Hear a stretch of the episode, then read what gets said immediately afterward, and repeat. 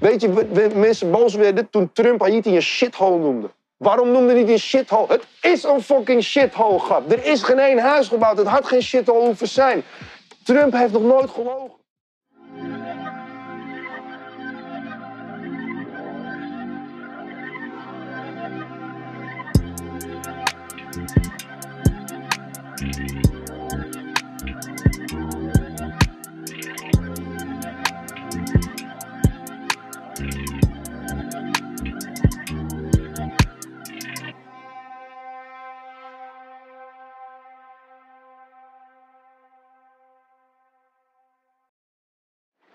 Welkom bij Zines. Ik ben George. En vandaag gaan wij op bezoek bij niemand minder dan Lange Frans. We gaan het hebben over de coronacrisis.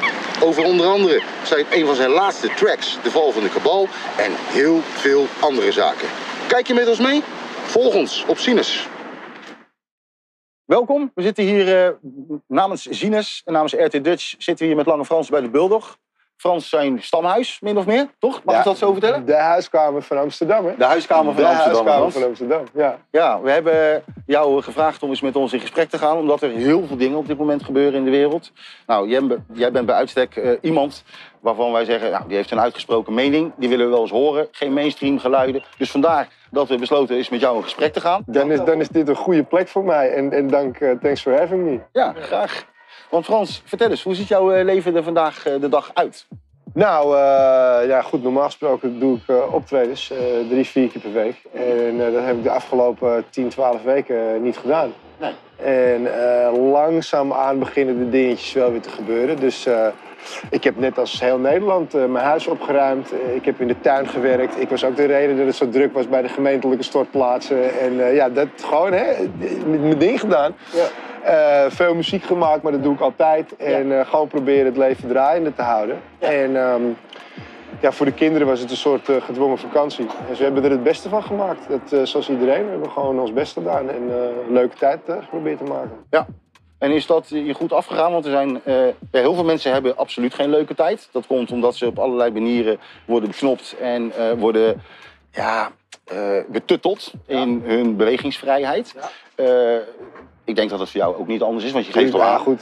De entertainmentwereld ligt op zijn reet. De horeca ligt op zijn reet. Langzaam aan beginnen er weer wat dingen. We zitten hier nu ook gelukkig op een open terras. Eh, net een regenbuitje, nu wat zon. En, en zo is het altijd in het leven. Na de regen komt de zon. Ja. En eh, ja, ik hoop dat mensen nu inzien dat, eh, de- ja, dat, dat, dat het met de gekte toch wel echt nu eh, voorbij moet zijn. Ook. Die had er nooit moeten zijn, maar die moet nu ook gewoon echt afgelopen zijn. Denk jij dat de demonstratie waar Femke Halsema zo op werd afgerekend in Amsterdam een soort breekpunt is geweest om misschien een beetje te laten zien dat we in een soort gekte leven die eigenlijk gecreëerd is? Want uiteindelijk is er maar één iemand besmet geraakt. Eh, dus Oh, er is één iemand ja, besmet geraakt. vanmorgen was dat eh, in het nieuws dat één iemand besmet is geraakt van al die 5000 mensen. Dus ja, waar hebben we het eigenlijk nog over?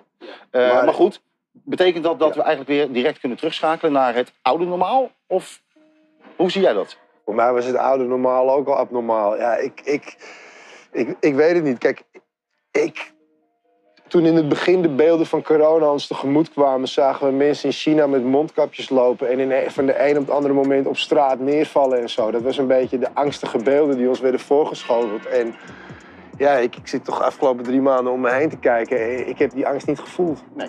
Maar net als iedereen, ik, ik schoot ook in de verdediging. Weet je. Ik ging toch ook extra eten kopen. En ik heb toch ook nieuwe snaren op mijn kruisboog gespannen. Weet je.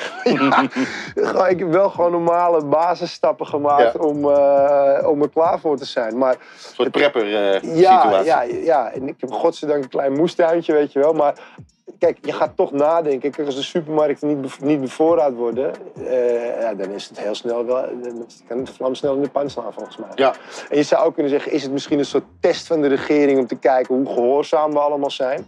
Hoe beïnvloedbaar zijn we? En eh, ja, kijk, ik ben iemand, ik kijk niet te veel naar het journaal. En als ik toevallig het journaal zie, dan is het altijd het belerende toontje wat erin zit. Het is altijd alsof je naar het jeugdjournaal zit te kijken. Er wordt verteld over, nou, die kant vindt dit en die kant vindt dat. Maar wij hier in Nederland vinden dat je moet vinden wat die kant vindt. Snap je?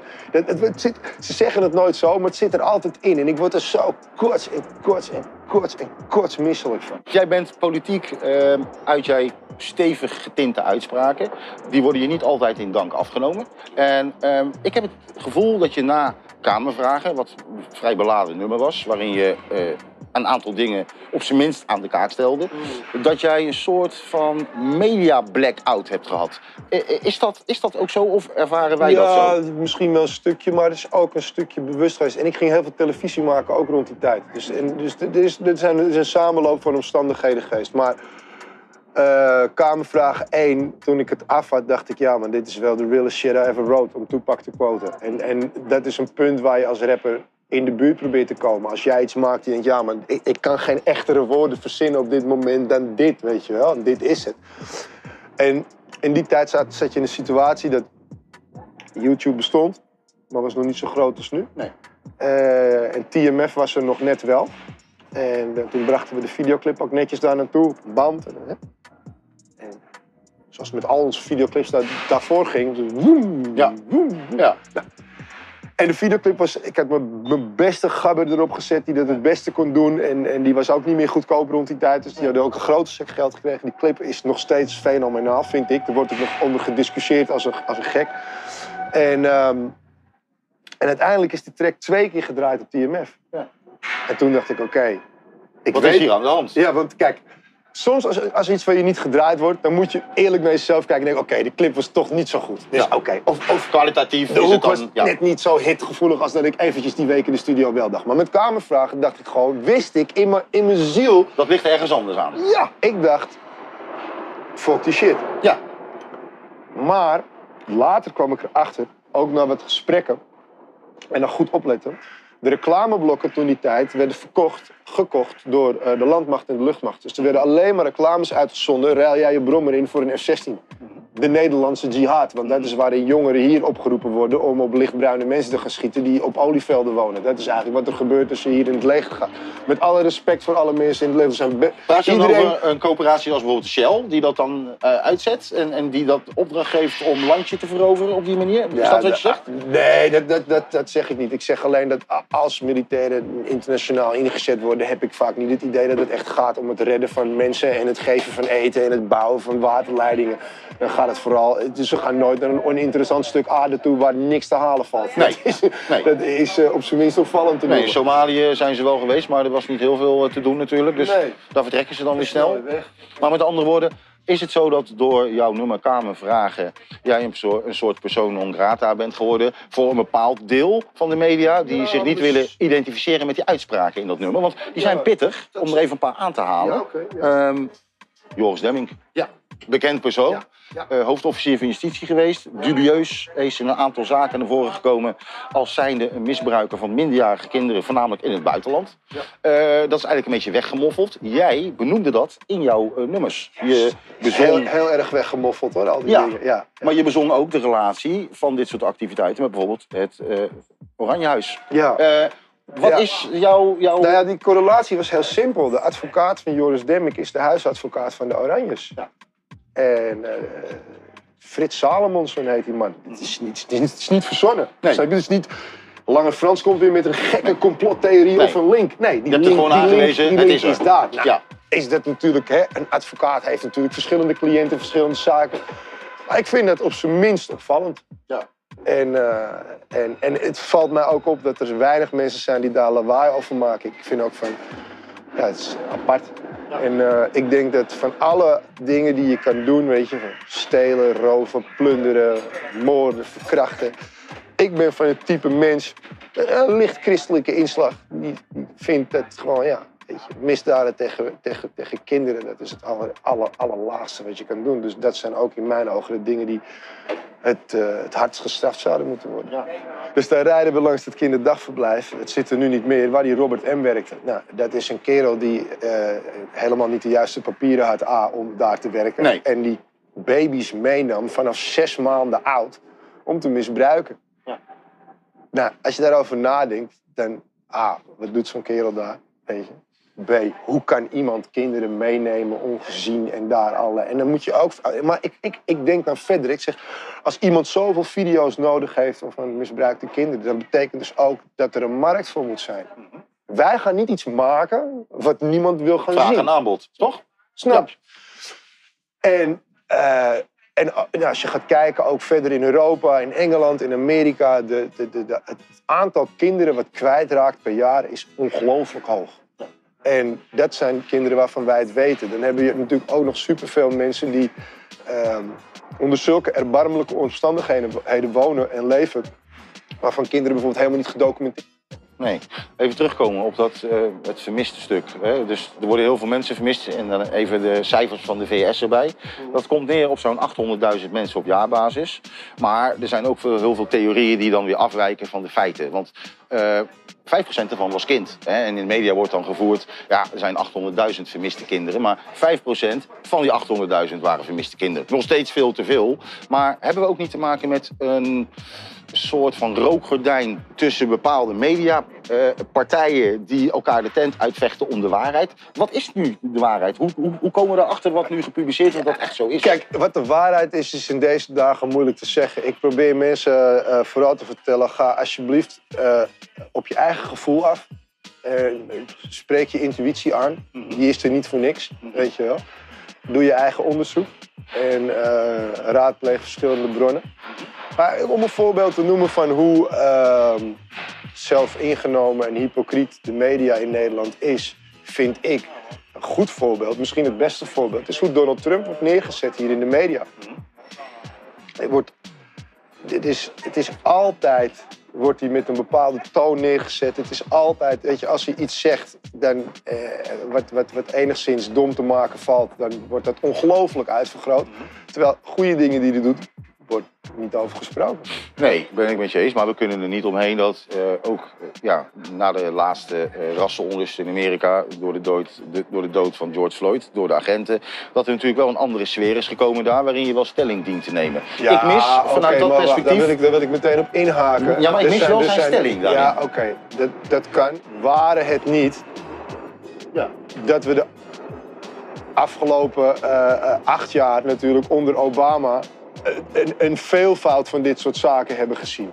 Jij Dus je kan dit onmogelijk in de schoenen van de zittende president schuiven. Dat, is Nee. dat, dat kan helemaal niet. Nee, maar dat is ook niet eh, wat ik eigenlijk zeg. Maar wat- Nou, maar mensen houden er ontzettend van om met vingers naar Trump te wijzen. Terwijl dat, dat, weet je, dat met Obama helemaal niet is. En ik, ik, Obama is ook een ongelofelijke schurk geweest. Die heeft, hij heeft ook elke dag met zijn vinger op een knop gedrukt nog, om ergens eh, mensen met drones te bombarderen. Obama is de meest dodende president Nou, van de wereldoorlog. Maar Dus dat bedoel ik. En, en Obama die zit in de, in, in, in de commissie van Netflix. En, en mensen hebben nog steeds Obama posters hangen. En oh, Obama, Obama, rot op man. Dat is, ik, vind het, een- het is echt, ik vind het een valse profeet.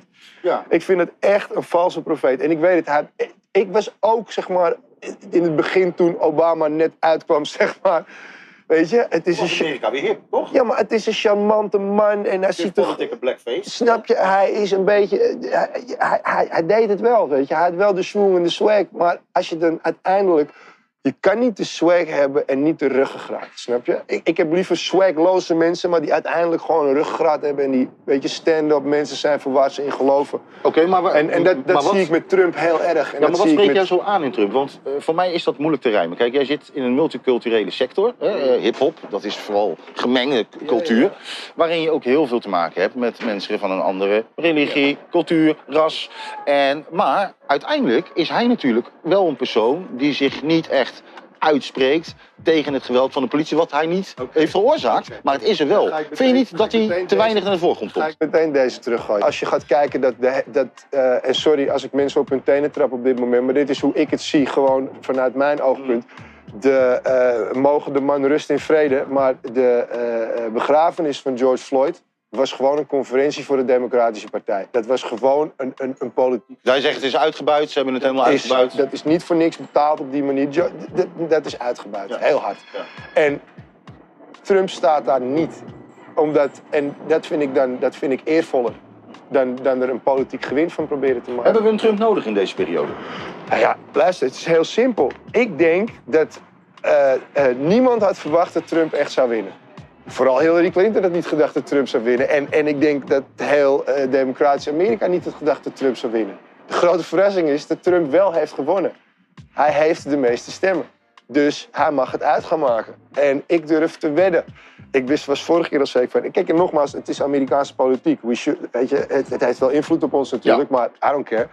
Eh, uiteindelijk is het meeste stemmen gelden. Maar ik zou mijn geld er blind op inzetten. Dat, ehm, dat als er straks verkiezingen komen. Hoi, Ijs! dat als er straks verkiezingen komen, dat, ehm, dat hij gewoon herkozen wordt. Nou, het En dan wil ik meteen een gebeurt. toevragen. Hoeveel shit kreeg Kanye West over zich heen toen hij met Trump ging praten? Trump was president, werd president en het enige wat Kanye ging doen was op gesprek. Black America kotste hem uit op dat moment. Ja. Persona non grata meteen, snap je? Ik voel wat hij aan het doen is. Ik snap wat hun beiden doen. zijn. Want kijk, als je verder denkt... Nu is Kim Kardashian is heel erg bezig met gevangenen. En mensen laten vrij... Weet je, mensen die al te lang vastzitten voor te kleine vergrijpen. Ze probeert amnesty te verkrijgen. Precies, er zijn mensen die vastzitten voor marihuana vergrijpen... terwijl het in de staat waarin ze wonen nu legaal is. Ja. Dat is dat, je bent hoe- gewoon levenslange straf. hoe de fuck zit je binnen en terwijl wat je hebt gedaan al, al, al oké is. Nou, kijk, je moet je voorstellen, de, de, het groene licht wat, wat zij misschien heeft gekregen, kan voort zijn gekomen uit zo'n meeting. Snap je? Dus ik, en nogmaals, ik, ik, ik denk dat Trump een heleboel dingen is, maar ik denk dat, eh, dat hij verre van racistische ideeën op nahoudt. Nou ja, ik heb hem zo. Maar dat is mijn gevoel. En ik, ik, ik bid ook voor hem. Ja. Ik, ik- en dat is, Ja. ik praat elke korte lijnen met God. Ik heb oprecht juist intenties en positieve bedoelingen. En ik, ik- hij is de, eh, de man op dit moment die het hardste onze goede intenties nodig heeft. Hij heeft de moeilijkste beslissingen te maken, waarschijnlijk. Snap je? Ja, ik, ik, ik bespeur echt een bewondering van jouw kant richting die man. Eh, Ja. maar, maar waar is dat nou echt op gebaseerd? Nou, Want wat Trump- heeft hij laten zien dat jij voor mij, voor mij is het heel simpel. In de campagne tegen Hillary heeft hij drie sleuteldingen naar voren gehaald die mij als mens aanspreken. Eén, Wikileaks. Bekijk die fucking e-mails van de Democratische Partij. Dat is gewoon pedofiele codetaal. Er wordt gesproken over de raarste dingen. John Podesta en Hillary Clinton zitten samen in e-mailverkeer. gaat over een feestje. En er wordt gesproken, ja, we hebben drie kinderen. één van zeven, één van negen en één van elf. En die zullen beschikbaar zijn in het zwembad. Bro, als wij elkaar uitnodigen voor een feestje, je kan een flesje wijn meenemen. Ik zeg, sorry, ik drink niet meer. Neem voor jou een doosje sigaren mee. hè. Het zijn normale cadeaus. Als we gaan barbecuen, neem jij misschien hamburgers mee. Ik neem kip mee. Dat is normaal. Maar nooit dat ik een uitnodiging voor een feest heb gekregen waarin wordt gezegd dat er drie kinderen klaar liggen in het zwembad. Trump heeft daardoor, heeft gezegd, lees die e-mails. Deze mensen zijn smeerlappen. Ze horen in de gevangenis. Hillary Clinton is een fucking boef. En moet je je voorstellen, de Clinton Foundation is een boevenorganisatie. Die krijgen hier in Nederland zelfs geld van de postcode loterij. Hè? Eén van ons speelt hier zeker postcode loterij. Dat betekent dat wij ook met onze portemonnee hun portemonnee spekken. De Clinton Foundation heeft miljarden gekregen om Haiti te, te herbouwen. Weet je hoeveel huizen er in Haiti er zijn gebouwd? Ik denk, Niet één. Weet je, we- we- mensen boos werden toen Trump Haiti een shithole noemde. Waarom noemde hij een shithole? Het is een fucking shithole, grap. Er is geen één huis gebouwd. Het had geen shithole hoeven zijn. Trump heeft nog nooit gelogen. dus En eigenlijk... Hillary, Hillary, haar hele leven hangt aan elkaar van leugens. Dit, over Trump is geen documentaire dat hij kinderen heeft verkracht. Over Bill Clinton zit all op in die Epstein shit. Ja? All op in die Epstein shit. En eh, over Hillary Clinton en Bill wordt gezegd dat ze heel veel mensen hebben koud gemaakt. Seth Rich, dat is degene die al die eh, documenten aan Wikileaks heeft gelekt. Dat was een campagnemedewerker van de Democratische Partij. Iemand die zag wat er gaande was en dacht, wacht even. Dit kan niet. Ik hou echt van Amerika. Dit zijn niet de mensen die mijn land moeten runnen. En ik voel gewoon in Nederland hebben we ook, er zijn ook mensen met dezelfde patrio patriottengedachte. En dat is gewoon van, kijk, en als je op die manier denkt, dan hou je gewoon van je familie, je houdt van je land. En er zijn, de mensen die ik ken noemen zich altijd eerst Amsterdammer. Daarna Hollanders, Suriname, whatever. Ja. Hier in Amsterdam ben je eerst Amsterdammer. Dat vind ik hier altijd zo mooi, dat we hier op het plein allemaal gelijk zijn. Je bent of tof of je bent niet tof, maar we zijn allemaal Amsterdam. En, en dat is gewoon, daar moeten we naartoe terugschakelen. Maar is jouw muziek dan ook echt voor jou een methodiek om te gebruiken om ons te onderwijzen wat er echt speelt? Want de val van de kabal, om dat nummer er even bij te pakken. Kijk, tuurlijk, mijn muziek is ook dat. Maar als ik alleen maar de schoolmeester ga uithangen, dan kan ik nooit in een kroeg staan optreden. Dat is waar ik mijn geld verdien. Dus je moet, ik ben een artiest die dus, ik, het is in balans. Snap je? Ik vind, ik zal nooit.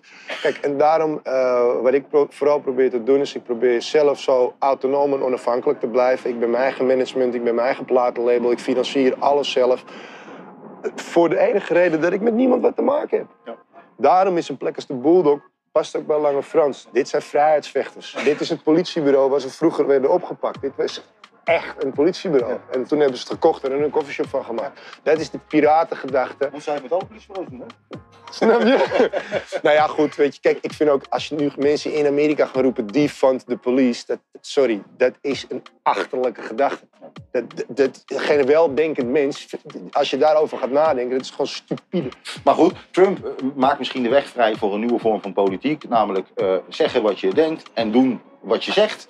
Eh, ik denk dat dat misschien een verbindende schakel is vind, naar het proces. vind ik een hele mooie samenvatting hoe je hem neerzet. Ja, Dat is even los van, Ja, ja, ja. van hoe we hem bekijken. Maar hij is wel een belangrijke pion in dit proces. Wie zie jij in Nederland voor die rol, zeg maar, eh, qua gezicht? Wie, wie, wie zou dat hier kunnen zijn volgens jou? Of hebben we ze niet? Diegene ik, vond, ik vond Gikkels bij Bo vorige week geweldig. Ik ken Gikkels al een tijdje, maar hoe hij sprak daar, weet je. En, en, en, ja, Gikkels zou een mooie, mooie minister-president van ons land kunnen worden. Heb je nog meer kandidaten eh, die, eh, die bijvoorbeeld de minister-president eh, van Nederland zouden kunnen Ik zijn? heb goede gesprekken gehad met Thierry Baudet. Ik vind Thierry een slimme, slimme kerel. Hij heeft ook heel veel punten waar ik het helemaal mee eens ben. Gewoon, hij wil een aantal dingen slimmer aan. Nou, over de gezondheidszorg en over... Hij was ook een van de weinigen die nog niet heel veel haast had met het uitrollen van 5G. Nou, gewoon simpele punten plus. Maar eh, goed, dan kijk je waar hij in terechtkomt met, met bepaalde discriminerende uitspraken. Ja, daar wil ik niks mee te maken hebben. Dus er is niemand op dit moment in de politiek waarvan ik zeg... Ja, jij bent 100% mijn motherfucker. Nee. En, maar goed, ik denk ook misschien, eh, eh, politiek is ook iets wat je op lokaal niveau, dat moet je in je eigen huis, in je eigen straat, in je Ja. eigen wijk moet je dat bedrijven. En ik denk ook dat het belangrijk is om eh, mensen vooral eh, duidelijk te maken, weet je, verenig jezelf, sta op voor wat je zelf vindt in alle tijden. Weet je, dan, dan hoeft de politiek het helemaal niet te beslissen. Want wat wij met elkaar in de straat afhandelen, dat hoeft helemaal niet in Den Haag.